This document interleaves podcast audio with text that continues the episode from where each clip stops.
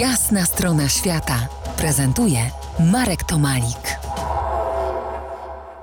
Wydaje się, że za pomocą metafor Nawachowie opisują cały otaczający ich krajobraz, a metafory, tak mi się wydaje, że to są siostry symboli. Pisze o tym w swojej najnowszej książce Ukryty język symboli Lech Majewski, mój dzisiejszy gość. Książkę połknąłem jednym tchem. Jeździ pan po świecie z wykładami o języku symboli, prawda? Tak, no udało mi się właściwie od Nowej Zelandii aż po Włochy no, objechać kawał świata. No teraz na Akademii Sztuk Pięknych w Rzymie mam te wykłady dotyczące ukrytego języka symboli, czyli tego zapomnianego języka, które nasza cywilizacja nas nie uczy czytać, a on jest bardzo ważny, bo, bo to jest podstawowy język ludzkości. No to może kilka, bo tylko kilka zmieścimy. W pańskim filmie Dolina Bogów Indianin wysypuje z garści strumieniem piach na, na bankomat przy odludnej stacji benzynowej. Symbol, tak? To już zostawiam odbiorcom tego filmu do rozszyfrowania. Tak, oczywiście.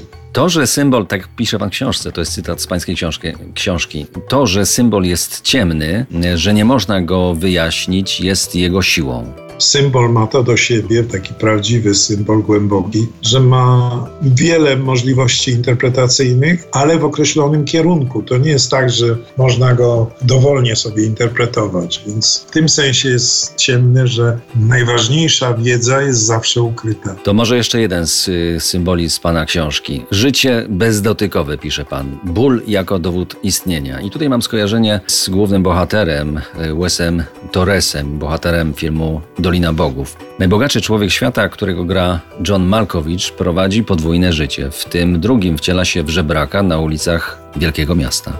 Po to, żeby zaznać bólu? Tak, po to, żeby zaznać bólu, po to, żeby się bić z kimś o jakieś przegniłe jabłko. Tak, no ból, wie pan, kiedyś y, częstotliwość wojen załatwiała tą rzecz. Teraz, ponieważ nie ma takich bezpośrednich wojen, są wojny kulturowe czy religijne, no to młodzi ludzie często wykonują czy też uprawiają sporty ekstremalne, ponieważ to jest taka najbliższa możliwość no, użycia tej adrenaliny młodości, która zawsze gdzieś tam w innych pokoleniach była kanalizowana przez działania wojenne.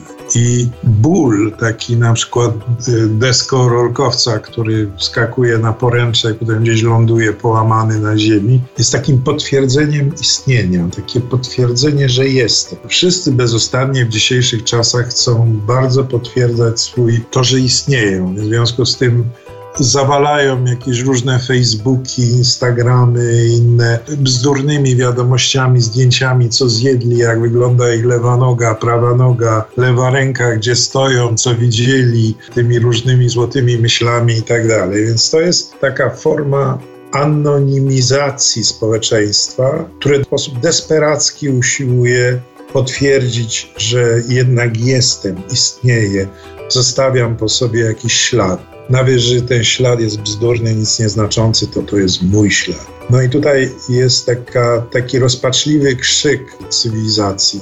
Jesteśmy jakby gumowani przez tą dziwną cywilizację, która teraz istnieje, a jednocześnie staramy się zaprzeczyć temu właśnie w, w jakikolwiek sposób możemy. Przypomnę, moim i waszym gościem był Lech Majewski, artysta sztuk wizualnych, ceniony na świecie reżyser, poeta, pisarz, kompozytor, malarz, wykładowca i także, choć niekoniecznie z wyboru, podróżnik, człowiek renesansu. Dziękuję panu bardzo. Dziękuję. To była jasna strona świata w RMF Classic.